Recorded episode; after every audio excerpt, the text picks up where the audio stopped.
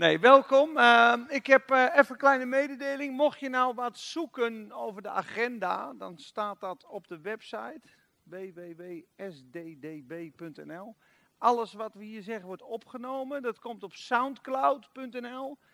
Tik je gewoon in op je computer soundcloud.nl en dan samen door de Bijbel. En dan komen alle preekjes van twee, drie jaar lang, die komen langest. En die kan je ook in een podcast doen. Als je dus bij de Play Store een podcast opent met een iPhone, dan tik je gewoon samen de Bijbel in. Dan heb je een podcast.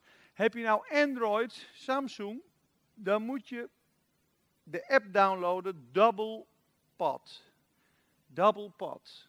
Ja, die hebben sommige mensen al. Is een paars icoontje. Die zet de iPad, of eh, die zet de podcast van iPhone om in Samsung. Dan kun je gewoon lekker downloaden, onderweg luisteren of doorsturen. Dus dat is één ding, even terzijde. Nou, de introductie. We hebben twee hele mooie liederen straks. Let There Be Light en Good Good Father. Daar beginnen we mee. Die gaan we lekker zingen. Dan doen we een collecte. Daarna ga ik onderwijs geven laten we zeggen, tot een uur of zeven.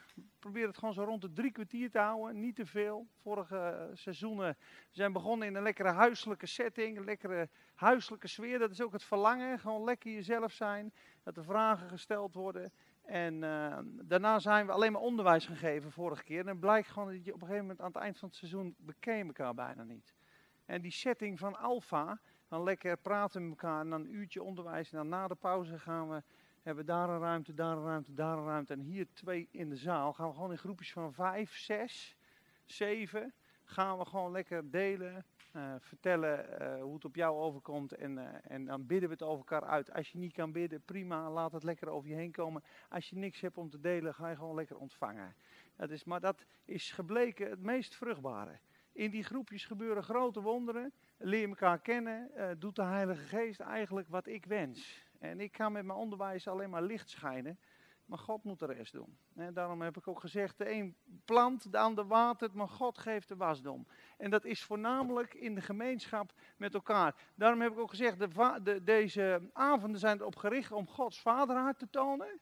Wie hij is, geloof te bouwen door het woord en onderlinge relaties te versterken. He, dat je aan het eind van het seizoen uh, nog steeds hoi zegt of je geeft elkaar een knipoog en je denkt, hé, dat was een mooi seizoen, man. We hebben veel meegemaakt, we hebben gehuild, we hebben gelachen samen, we hebben dingen mogen overwinnen. Mooi.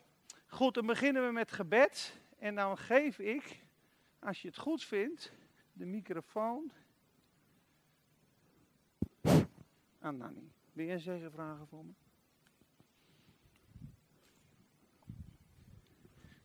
Trouwe barmhartige Vader, ik wil u loven, prijzen en danken voor wie u bent. U bent gisteren altijd dezelfde, Heer. Niet is, is te verwonderlijk voor u. En we vragen bijzonder zegen voor deze avond. Dank u voor Peter, Heer, die altijd vol is van de Heilige Geest, Heer. En dank u, Heer, dat wij weer uh, onderwijs krijgen uit uw woord, Heer. Dat Jezus Christus centraal staat, want daar gaat het om, Heer. Dank u voor uw dierbaar bloed. En dank u, Heer, dat we heel veel mogen leren vanavond. Dank u voor mijn broeders en zusters, Heer. Dat we, allemaal van, dat we elkaar van harte lief hebben, maar vooral u, Heer. En u hebt ons ook van hartelijk lief. We willen u loven, prijzen en danken voor deze avond. In Jezus' naam. Amen. Nou, als hij het echt niet doet, de opname, dan hebben we nog een uh, journalist. Uh... Goedenavond allemaal, nog een keer. Hey, ze zijn er toch gekomen, hè, de Brabanders? Ja, en hij heeft de lekkerste spareribs van Nederland, jongens. Hij is kampioen met spareribs. Als je die vasthoudt, dan vallen ze eraf. En je kunt ze bijna opslurpen, zo lekker. Ja, hij heeft echt top spareribs, die man. Dus ik, waar, hoe lang heb je komen rijden nu? Maar waar kom je zelf vandaan? Ja, top hoor. Echt leuk. En je zoons, hoe heten jullie? An Andres en Marijn. Nou, ik hoop dat je wat, uh, wat leert vanavond. Het gaat hier allemaal om Jezus. En uh, we gaan de e eerste brief van Korinthe bestuderen. Voor de mensen die mij niet kennen, er zijn vast een paar mensen die kennen mij niet zo goed. Ik ben Peter Duist, ik ben 39 jaar. En dat is mijn vader. En waar is mijn moeder? Die zit daar. En ik heb uh, drie kinderen. Ik ben getrouwd in 2008. Ik ben in 2004 naar Bijbelschool geweest. Daar heb ik daarna nog heel veel omzwervingen gemaakt. Als je mijn getuigenis wil horen, kom je na de tijd naar me toe. Dan zal ik hem aan je geven via de app. Die heb ik gisteren gedaan op de mannendag. was best moeilijk, omdat je veel pieken en dalen in je leven gekend hebt. En sinds 2013 ben ik met Samen door de Bijbel begonnen. Gewoon onderwijs geven. En ik heb hem op internet een paar keer gepreekt. En ik preek hier in de gemeente. En eigenlijk is het langzaam het rollen. Ik heb nu net mijn eerste spreekbeurt in Katwijk.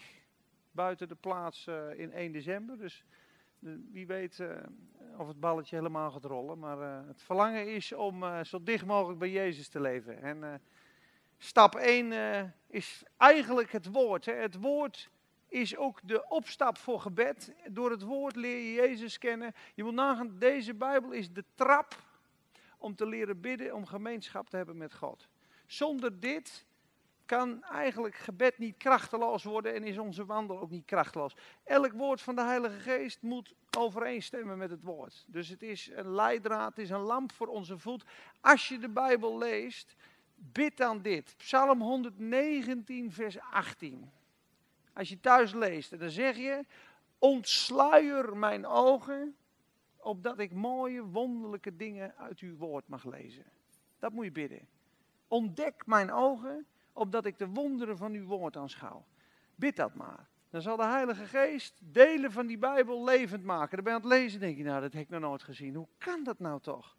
En dan spreekt het tot je. En volgende absolute sleutel voor de Bijbel is een heilig leven het moment dat je veel in de wereld leeft, veel werelds praat, gaan die woorden van de Bijbel hun kracht mis, of die, die gaan je niet raken. Je gaat het licht van de Bijbel niet vast kunnen houden. Ook als je licht krijgt op zondag, dat zie je in de gelijkenis van het zaad. Hij ontvangt het woord met blijdschap, maar als de vervolging vanwege het woord komt, wordt hij te stond geërgerd en het woord verstikt. Het, het, het, draagt geen vrucht.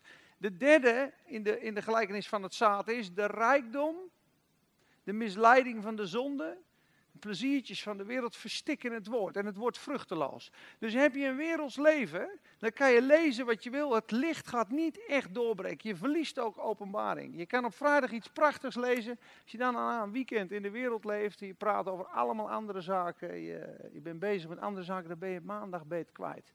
Dus wil je blijvend in het woord blijven, zegt hij ook in Johannes 8, hè, indien gij in mijn woord blijft, zijt gij waarlijk mijn discipelen en u zult de waarheid verstaan. En de waarheid zal u vrijmaken. Dus blijf in het woord. En daar moeten we allemaal voor waken. En zoek hem. Zoek hem na. Ik heb van de week nog tegen de Heer gezegd: Heer, ik ga u meer zoeken nog. Veel meer zoeken. Soms dan leven we gewoon een beetje in overlevingsmodus. Ik lees mijn Bijbel, ik, uh, ik, ik doe het gewoon allemaal prima, een beetje mijn werk. Als ik het allemaal maar, ja, ik nou niet zoveel last heb van die duivel en uh, dan kan ik een beetje mijn leven leiden, dan vind ik het allemaal wel goed. Maar een echte honger naar God, ik wil u kennen. Wie bent u? Dat is wat God zoekt, hè. Echt, dat is prachtig. Als je gewoon het verlangen krijgt. Heer, ik wil u zo kennen. Ik wil u zoeken. Ik lees die Bijbel. Ik verslind die Bijbel omdat ik u wil kennen. Niet omdat ik een groter hoofd wil hebben of meer kennis. Ik wil u kennen. In al uw wegen. Amen. Amen. Laten we beginnen in de Korinthebrief. De Korinthebrief is na Romeinen. En de evangeliën zijn geweest. Toen kwam het boek Handelingen. Waar de Heilige Geest uitgestort werd. En de handelingen is een beetje de ruggengraat van het Oude Nieuwe Testament, die de evangeliën, Matthäus, Marcus, Lucas, Johannes, verbindt aan de Paulusbrieven. Dat is eigenlijk een ruggengraat. De handelingen is zeer belangrijk. Maar goed, na de handelingen, en handelingen is niet een geschiedenisboek, mensen. Dat zeggen veel christenen, zeggen dat. Dat is een beetje jammer. Die zeggen, ja, handelingen, dat was voor de eerste gemeente, dat was voor de eerste apostelen, dat was toen. Maar handelingen is een bijbelse opwekking. Zoals als, als de Heilige Geest uitgestort wordt, krijg je handelingen. En handelingen heeft ook geen eind. Kijk, handelingen 29, 28 eindigt met dit. Hij predikte het koninkrijk van God en gaf onderwijs over de Heer Jezus Christus met alle vrijmoedigheid ongehinderd. En daar stopt het. Alle brieven hebben zegen, zijn met u, de genade zijn met u, amen, slot, groeten broeders, met een heilige kus, etc. Dit boek is open omdat het nog steeds doorgaat. Het zijn de handelingen van de Heilige Geest. De Heilige Geest is nooit veranderd. Dat moet je niet, niet vergeten. Want anders krijg je echt een gelimiteerd geloof. Dan denk je, ja, we, leven hier gewoon in een kokon. En uh, dat was toen. En uh, als we maar naar de hemel mogen gaan. Laten we, als het op, onze, op, op, onze, op ons karakter maar mogen halen. Dat is niet waar. God heeft dezelfde Heilige Geest, dezelfde gaven beschikbaar voor iedere gelovige. Die ook in de Bijbel beschikbaar waren. dat kun je ook zien in Jacobus. Daar staat Elia was een man van gelijke bewegingen zoals wij. En dat betekent hij had ook een ochtendhumeur. En hij bad een gebed en het regende drieënhalf jaar niet. Lucas 6, vers 40, nog zo'n mooie tekst. Iedere discipel die volwassen is geworden, zal precies zo zijn als zijn meester. Dus als je volwassen wordt in het geloof, ben je net als Jezus in doen en laten. En dat ben niet jij, maar dat is de Heer Jezus in je die dan volwassen geworden is. En daarom spreek ik ook bij een wedergeboorte. Er komt zaad van de Heilige Geest in je. Je wordt opnieuw geboren, zegt Petrus, als pasgeboren baby's. Baby's verlangt dan naar de, naar de onvervalste melk van het woord. Dat je daardoor mag groeien. 1 Petrus 2. Dus we zijn allemaal baby's. En door, dit, door dit, dit woord gaan we groeien. Op een gegeven moment 3, 4, 5, 6, 7, 8, 9, 10 jaar. En op een gegeven moment ben je volwassen geworden. Daar spreekt Efeze 4 over. Je kan volwassen worden in het geloof. En op het moment dat je volwassen geworden bent, is het normaal dat mensen de Jezus in je zien. En is het geen geschiedenisboek, maar een levend boek realiteit anno 2016. Amen. Na handelingen komt Romeinen dan vertelt Paulus dat we gerechtvaardigd zijn uit het geloof. Niet uit de werken de wet, uit het geloof. En daarna komt 1 Korinthe. En dat is eigenlijk de brief aan de gemeente. En we hebben problemen in Korinthe die opgelost worden door het kruis. We hebben psychologie, waar die tegen in opstand komt. En we hebben Jezus in al zijn facetten. En hij begint deze brief heel mooi.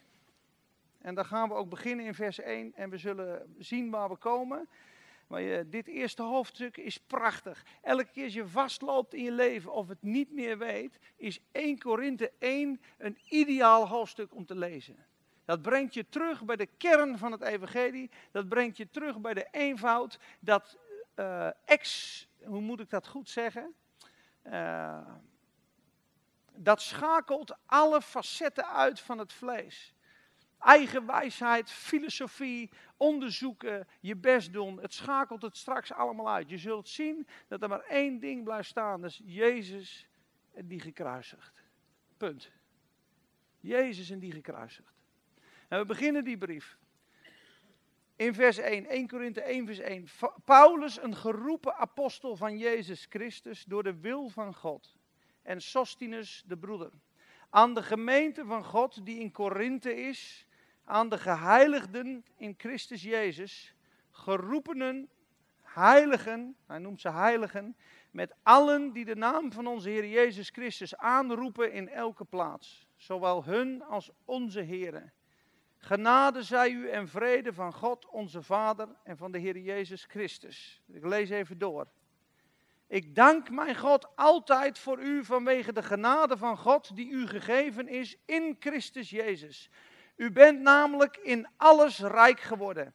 In Hem, in alles spreken, in alle kennis, naarmate het getuigenis van Christus bevestigd is onder u of in u, staat er.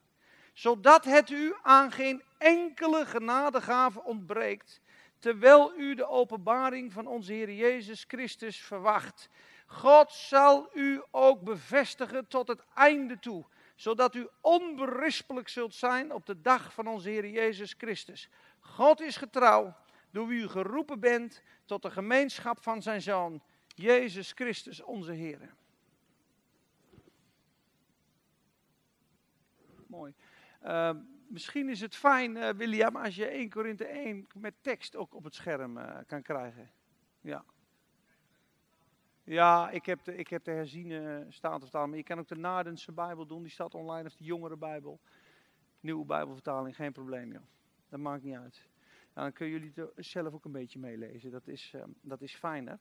Maar Paulus begint die brief. En hij zegt, hij noemt ze dus geheiligd. Hij noemt ze heiligen. Wie weet hier in de zaal dat hij, als hij in Jezus Christus is gaan geloven, als die in Christus is, als ze zonden vergeven zijn, dat God je heilig verklaart. Wie weet dat? Hm? Dat heb je wel gelezen. Kijk, bij de katholieke kerk, bedankt, bij de katholieke kerk word je heilig verklaard aan het eind van je leven. En dat bepaalt dan vaak nog een commissie. De Corinthiërs, zullen we de volgende lessen gaan zien, zijn heel vleeselijk. Hebben ruzie, klagen elkaar aan bij de rechtbank. De ene heeft zijn schoonmoeder als vrouw. Heftig. Ehm, ze zijn dronken aan de avondmaalstafel. Ze doen een afgoderij. Het zijn echt een paar vleeselijke baby's. En Paulus noemt ze heilig. Heilige, daar spreekt hij ze op aan. Dat is punt 1, wat ik aan wil halen. Dan begint hij vers 4 prachtig te zeggen: Ik dank mijn God altijd over u vanwege de genade van God die u gegeven is in Christus Jezus. Hij begint ze eerst op te hemelen. En dat doen we ook vanavond. Jongens, we beginnen met God te danken voor de genade die ons gegeven heeft in Christus Jezus. Wij zijn in alles rijk geworden. In alles. Efeze 1, vers 3 zegt dat. Gezegend zij de God en Vader van onze Heer Jezus Christus, die ons gezegend heeft met alle geestelijke zegening in de hemelse gewesten. Ben jij een gelovige? Heb je je knieën oprecht gebogen voor de Heer Jezus Christus? Heb je zijn Heilige Geest ontvangen? Ben je de meest schatrijke mens op aarde? Echt waar. We zijn schat, hemeltje rijk in Christus. Je moet het zo zien. Alles wat Jezus zou verdiend hebben door zijn godzalige wandel en zijn gehoorzaamheid tot aan het kruis. Het leven, de zegeningen van Deuteronomium 28. Alle beloftes van dit woord zouden op Jezus gekomen moeten hebben. Want hij zei, u bent mijn geliefde zoon in wie ik mijn welbehagen heb. Hij is gehoorzaam geworden tot aan het kruis. Ja, tot aan de dood. Ja? Daarom heeft God hem ook verhoogd en een naam gegeven boven alle naam. Dat dat de naam van Jezus elke knie zou buigen in hemel en op aarde. Dus Jezus heeft een mega-erfenis gekregen. En omdat wij in Jezus zijn en één zijn met Jezus, delen wij in zijn erfenis. Dank u, Jezus. Uit genade is het u geschonken. Alle beloften van God zijn ja en amen in God voor onze zegen. Dat staat in 2 Korinthe ook. Dus alle zegeningen hebben we ontvangen. Je hoeft er niet voor te strijden, je hoeft er niet voor te bidden. Zegeningen ontvang je door ervoor te danken. Je dankt ervoor in je geloof. Je handelt naar het woord. Je zegt, het woord zegt, ik ben gezegend en ik ben rijk in alles. Ja, dat zegt het woord, dus dat ben ik. Of ik me zo voel, is een tweede. Ik voel me niet zo gezegend. En ik handel niet alsof ik alle zegeningen van God heb. Maar het is wel zo. Ik heb wel eens zitten denken, stel je voor je een film maakt van iemand die heel rijk is. Hij heeft een kasteel, hij heeft een auto, hij heeft een grote zaak en hij heeft, uh, hij heeft gewoon alles. Maar die man die valt van dak en die, die heeft een hersenschudding. En op een gegeven moment is die in die film en hij weet eigenlijk, dat ik wel eens over zitten denken. Ik denk, als je nou je identiteit in Jezus niet kent, dan zou zo'n man, die zou niet meer weten dat het allemaal van hem is. Dus hij leeft daar ergens in Schotland. En op een gegeven moment, zijn tuinman, ja, die krijgt door, ja, die is gek geworden. Die, die, wat is hij aan het doen, joh? Hij snapt het niet meer. En langzamerhand, die tuinman is dan de duivel, die, die gaat die plaats van hem innemen. En die gaat hem op een gegeven moment opdracht geven. Hé, hey, kun je het gras even maaien? Ja, ja, dat is goed, dat is goed, dat is goed. Dat doe ik. Die zou niet meer weten wie die is. Zo speelt de duivel met christenen die niet weten wat ze ontvangen hebben in Jezus. Doe dit en bewijs dat je een zoon van God bent. Doe dit en God uh, houdt van je. Oh ja, hij hield al van me toen ik een zondaar was. Ik hoef niets meer te doen. Alles is volbracht. En dat zegt dit hoofdstuk zo mooi. En daar gaan we vanavond echt op inzoomen. En daar word je zo blij van. Daar word je zo blij van. Want Paulus, de achtergrond van die brief, is psychologische Griekse wijsheden. Dit waren Stoïcijnse Grieken. Er staat in handelingen, deze mensen deden de hele dag niets anders dan nieuwe dingen bedenken. Ja, jouw werk is voor de domme en we staan de hele dag op dat marktplein. En we zijn de hele dag wetenschap, filosofie. Ja, ja, ja, ja, ja. En dan kwam Paulus eraan en dan zei ze, wat ben jij voor een raaskaller? Wat heb jij te brengen? En Paulus zegt, nou ik liep door de stad en ik zag dat u een, uh, een zeer uh, godsdienstig volk bent. Ik zag zelfs een beeld waar stond bij voor de onbekende God. Nou die onbekende God die preek ik. En dan begint hij te praten over Jezus. En op een gegeven moment praat hij over de opstanding uit de doden. En dan zeggen ze, ja, ja nou jij bent echt helemaal knettergek. Toen hij, zei, toen hij dan begon over de opstanding uit de doden, toen liepen ze weg. Daar konden ze niet bij met hun hoofd. Maar in ieder geval tegen dit soort mensen spreekt Paulus. Ze zeggen daarom ook dat hij nu niet de opstanding van Jezus benadrukt, terwijl dat wel de boodschap is in handelingen. Christus, uh, de opge, opgestaande Christus. Hier praat hij over Christus, de gekruisigde. Waarom? Waarom? Dan komt hij. Het allersterkste middel voor ons christenen is absoluut radicaal de discussie, de onderhandeling met het vlees en Satan stoppen met het kruis. En dat doet hij precies hier in dit hoofdstuk. Hij zegt, einde discussie.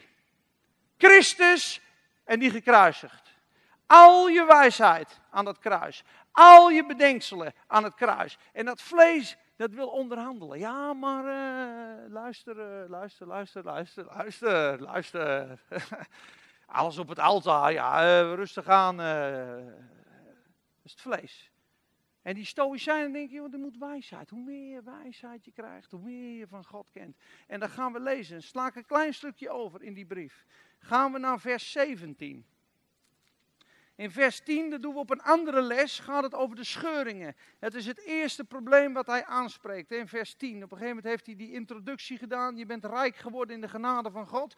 Het ontbreekt u aan geen enkele gave. God gaat u bevestigen. God gaat u tot het einde toe bevestigen. En hij zal u onstraffelijk zetten op de dag van Jezus Christus. En het bewijs daarvan is vers 9. Want God is getrouw. Waarom bewaart hij je tot het einde? Omdat God getrouw is, omdat hij je gered, en geroepen heeft tot de gemeenschap van Jezus Christus. Dus God heeft gezegd, jij zal voor eeuwig één zijn met mijn zoon. Daarom staat er, hij bewaart hem tot het einde toe, want God is getrouw. Zie je dat? God is getrouw, door welke waar gij geroepen zijt tot de gemeenschap van zijn zoon Jezus Christus. Dan gaat hij dus in vers 10 over die scheuringen beginnen, dat slaan we nu over. En dan ga ik in vers 17 verder. En dan gaat, dit is de kern van de prediking van het evangelie. En dit is, daarom zeg ik, als het moeilijk is, als het zwaar is, ga terug naar dit hoofdstuk. Dit is gewoon de blueprint. Want Christus, vers 17, heeft mij niet gezonden om te dopen, maar om het evangelie te verkondigen. Niet met wijsheid van woorden. Daar komt hij, dat is de eerste keer. Opdat het kruis van Christus zijn kracht niet verliest. Ik weet niet wat hier staat in deze vertaling. Ja. Opdat het kruis van Christus niet verijdeld wordt. Dus hoe meer wijsheid van de mens, hoe meer redenatie, hoe meer woorden, hoe meer kracht je van het kruis van Jezus afhaalt. Dus hoe als je je mond houdt en zegt amen op het kruis, is de, dat is de kracht van God. Dat is de kracht van het evangelie. Dan gaat hij verder. Want het woord van het kruis is wel voor degene die verloren gaan een dwaasheid. die Grieken zeiden, jongen, waar slaat het nou op? Een, een, een, een God uit de hemel die zichzelf naakt aan een kruis laat slaan. Hoe gek ben je? En die uit de dood is opgewekt. Hoe gek ben je? En dit is de kracht van God. Dit is de dwaasheid. Mensen die verloren gaan vinden het kruis dwaasheid. De grootste wetenschappers die zeggen ook, you're not going to be seriously believing that he died on a cross and was risen. You're going to be stupid to believe that. Er zijn gasten die hebben stadions vol, die signeren boeken. Er staan gewoon 4, 5, 600 meter mensen. En dat zijn van die wijsgeren die zeggen, ja, we waren uiteindelijk eh, een worm en een vis, en uh, et cetera, et cetera. Maar goed, die verklaren het kruis een grote dwaasheid. En Paulus gaat verder en die zegt, maar voor ons die behouden worden, is het een kracht van God. Want er staat geschreven, ik zal de wijsheid van wijzen verloren doen gaan. En het verstand van verstandigen zal ik er niet doen. Waar is de wijze? Waar is de schriftgeleerde? Waar is de reden twisten van deze wereld? Heeft God de wijsheid van deze wereld niet dwaasheid gemaakt? Want omdat in de wijsheid van God de wereld door haar eigen wijsheid God niet heeft leren kennen, heeft het God behaagd door de dwaasheid van prediking, dat doe ik nu, ja, hen te zalig te maken die geloven. Immers, de Joden vragen om een teken. Kom van het kruis af, Jezus, en dan zullen we je geloven. Welk teken doet u ons? Geen teken zal u gegeven worden dan van Jonas, zegt hij. Hè? De zoon mensen zal drie dagen in de grond gaan. En de Grieken zoeken wijsheid, vers 22. Wij echter prekenen Christus de gekruisigde. Voor de Joden een struikelblok. Een struikelblok. Het is te simpel, het is te eenvoudig. De Joden waren bezig met hun eigen gerechtigheid. Je moet je best doen voor God. Kijk maar Romeinen 10. Ze onderwerpen zich niet aan de rechtvaardigheid van God. God zegt, jongen, je kan er niks aan toevoegen. Alle zegeningen van het woord krijg je. Alle beloften in het woord krijg je van mij. En alle geboden die jij niet kon houden, heb ik voor jou gehouden. Ik heb een volmaakt leven geleefd. Ik ben voor jou gestorven. Op het moment dat je in mij gelooft en mijn hand pakt, krijg je mijn leven en mijn zegen. Dan ziet God je als rechtvaardig. Dat is een geschenk, dat moet je ontvangen. En dan zeg je, amen Heer. Ik ben volkomen gerechtvaardigd. Ik ben volkomen zonder schuld. En dat is simpel en toch heel moeilijk. Want we willen heel vaak toch wat doen. En Satan zegt, hé, hey, dat is een fout. En dan ga je toch vaak aan het werk. En die Joden, die Farisees, die waren natuurlijk heel zelfrechtvaardig. Hè? Die hadden al stenen in hun zakken om mensen dood te gooien die fouten maakten. Die zochten dat ook uit. En op het moment dat Paulus tegen hun zei: hou maar op met al je daden, hou maar op met al je tempeldiensten, hou maar op met al je offers. Stefanus zei dat ook. Jezus is gekomen, die heeft een eind aan Mozes gemaakt. De tempel is met handen gemaakt. God komt in je wonen. Toen werden ze doodgegooid. Ze knesten met de tanden. Dat hele godsdienstige gebeuren werd in één keer van de mat geveegd. Die heilige huis werd allemaal omgegooid. Lees maar Handelingen 7, wat, wat Stefanus zegt. Hij woont niet in tempels met handen gemaakt, zegt hij bij die tempel. Het was recht in het hart. En jullie hebben de wet niet gehouden, zegt hij. Die overgeleverd is. Eerst zegt hij hun eigen gerechtigheid. Jullie zijn net zo zondig als de rest. En deze tempel die je zo vereert, daar woont hij niet. Hij woont hier. Toen ze dat hoorden, bersten hun harten. Grepen ze stenen en gooiden ze hem dood met stenen. En ze deden vingers in de oren. Hè? Ze krijsten van binnen. Dus de Joden, het woord van het kruis is een ergernis voor zelfrechtvaardige mensen. Mensen die het willen verdienen. God zegt: stop ermee. Stop met je verdiensten. Stop met je eigen wijsheid. Buig gewoon voor het feit en de waarheid dat Jezus gekruisigd is. Punt. Op het moment dat je dat doet in kinderlijk geloof, komt de volle zegen. Amen. Amen. Wij echter, vers 23, preken Christus, de gekruisigde. Voor de Joden een struikelblok, voor de Grieken een dwaasheid. Maar voor hen die geroepen zijn, dat zijn wij, de christenen, zowel Joden als Grieken, preken wij Christus, de kracht van God en de wijsheid van God. Want het dwaze van God is wijzer dan de mensen. En het zwakke van God is sterker dan de mensen. Vers 25. Papa mag niks zeggen. En voor de mensen die de vorige keer waren, moeten even niks zeggen. Maar de vraag in de zaal is: het dwaze van God is wijzer dan de mensen. En het zwakke van God is sterker dan de mensen. Wat betekent dat? Het dwaze van God is wijzer dan de mensen. Het zwakke van God is sterker dan de mensen. Wat zou het betekenen?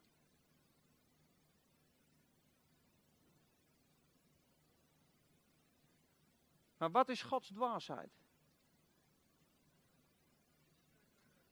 Ja, ja, het dwaze van God is je eigen zoon laten offeren aan een kruis. Dat is dat is voor de wijsheid dus dwaasheid. Wie doet dat? Wie gaat zijn eigen zoon offeren aan een kruis? En het zwakke van God is sterker, is die Jezus aan het kruis, die daar als een lam, die, die zijn mond niet open doet, ter slachting geleid wordt, aan dat kruis genageld wordt, het, het grootste toonbeeld van zwakte. En daar hangt hij. En dit zwakke van God is sterker dan de sterkte van de mensen.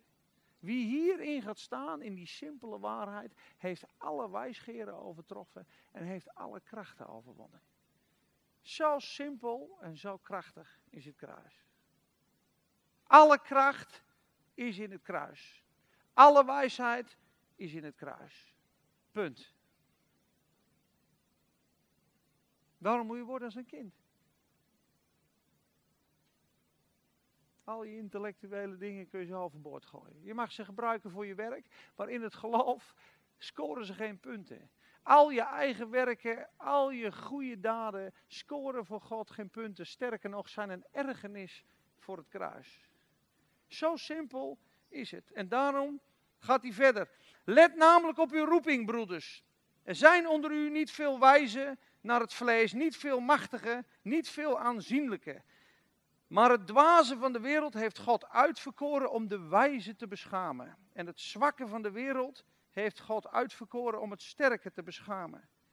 En het onaanzienlijke van de wereld en het verachten heeft God uitverkoren. En hetgene wat niets is, heeft God uitverkoren om hetgene wat iets meent te zijn, te niet te doen. Zie je dat het allemaal andersom is in het koninkrijk? De grootste onder u is uw dienaar. Geef en u zal gegeven worden. De verloren zoon. De laatste zullen de eerste zijn. De grootste onder u is degene die dient. En hier zegt hij, alles in de wereld wat denkt iets te zijn, dat maak ik kapot metgene wat verfoeilijk is. Waar iedereen van zegt, jongen, jongen, jongen, jongen, jongen. Dat gebruikt God. Het verachten, het zwakke, het onaanzienlijke. Dus iedereen is gekwalificeerd.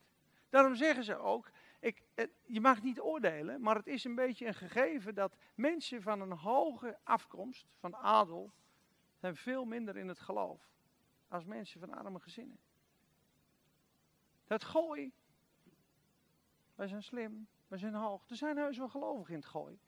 Maar ga maar eens praten in hoge klassen, in hoge kringen. En dan praat dan maar eens over Jezus. Even normaal doen, hè. Even bij de realiteit blijven, wordt er dan gezegd. Ik ken een jongen die was in Amerika, werd veroordeeld voor 37 jaar gevangenisstraf wegens drugshandel. En die jongen komt tot geloof. En de Heer Jezus spreekt tot hem en die zegt, je zult niet naar de gevangenis gaan. En hij liep naar zijn advocaat toe en zei, ik word onschuldig verklaard. Ja, dat kan echt niet, zei hij. Hij zei, ik kan er misschien tien jaar afpraten voor je, maar je zit, je zit zo in de tang. Toen zei hij, nee, maar God heeft mij dat verteld. Toen zei hij, ja joh, get, get, get real. Get in the reality. That is my reality, zei hij toen. En totdat die rechter zei, ik weet niet hoe, kan het verhaal verder, zat bij mij bijbelschool die jongen. Not guilty, vrijgesproken. 37 jaar gevangenisstraf, wat hij anders gaat. Maar God had het gezegd. Jongens, God is, heeft het eerste woord en het laatste woord. God bepaalt alle dingen. We hebben Daniel besproken hier. Nebukadnezar werd vernederd totdat hij zou erkennen, u regeert over alles. Niet ik, niet mijn koninkrijk. Waarom zegt God in Deuteronomium 8 en 9, als je straks in dat land van de Jordaan bent, als je straks in die zegen bent, deze zegen die jullie vandaag en mij ontvangen, als we straks lopen, Halleluja.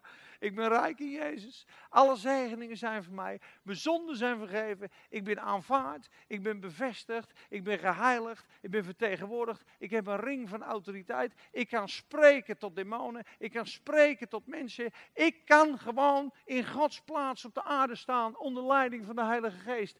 Ik ben gewoon gezegend. Als je op dat punt komt, zegt hij, zeg dan niet tegen je eigen hand, mijn hand heeft dit bewerkstelligd. Dan zegt hij tegen het volk Israël, als je straks daar bent, zeg niet, mijn eigen hand heeft dit bewerkstelligd. Want dan zul je vallen.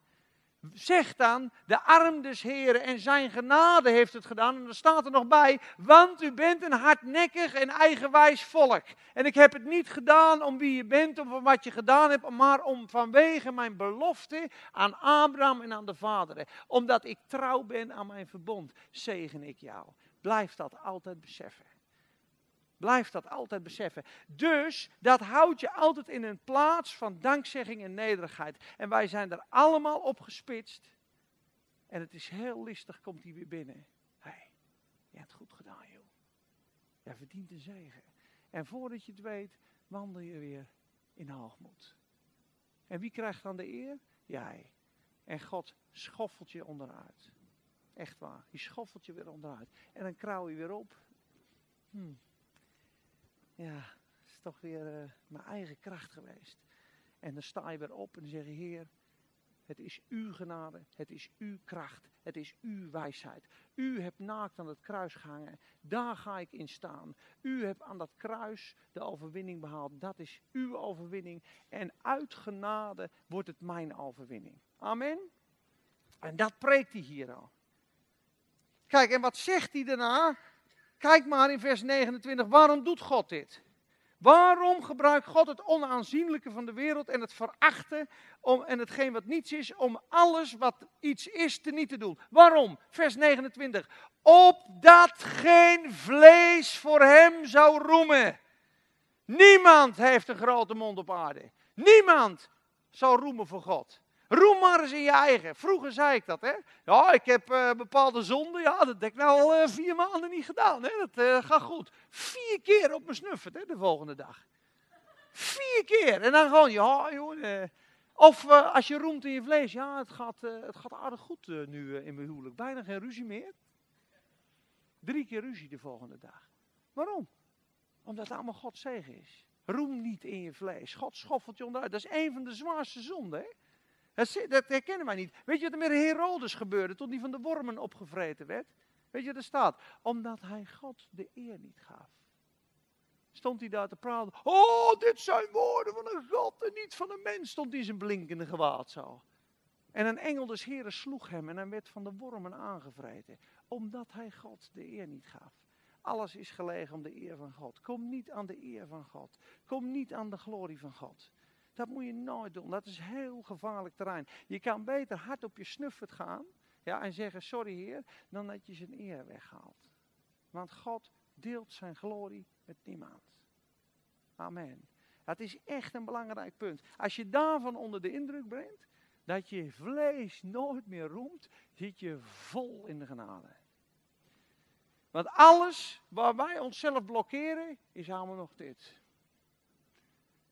Elke zegen die in ons leven geblokkeerd wordt, is omdat we roemen en vertrouwen op ons vlees, op ons eigen kunnen. En daarom laat God je zo vaak vastlopen. En daarom zorgt hij dat de stormen en moeilijkheden in je leven komen, totdat je aan het einde van jezelf komt. Dat je zegt, jongens, niet meer ik die leef, maar Christus. Ik geef me helemaal over. Zelfs mijn goede daden, het is allemaal niks.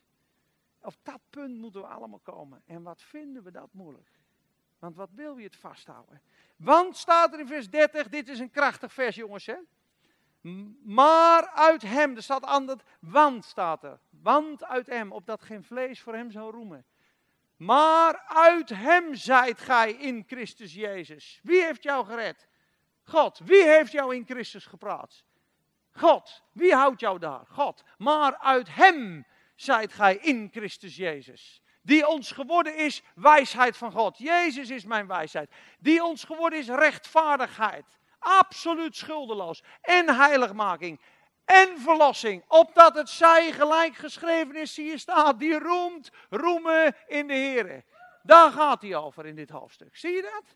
Al je roem moet in God wezen. Alle wijsheid overboord. Alle psychologie overboord. Alle eigen werken overboord. Jezus en die gekruisigd. Ik ben rijk in zijn erfenis. Halleluja. Dit is het evangelie. Dit is het evangelie. Als je dit preekt, is de Satan verslagen. Hier is filosofie, heb geen schijn van kans.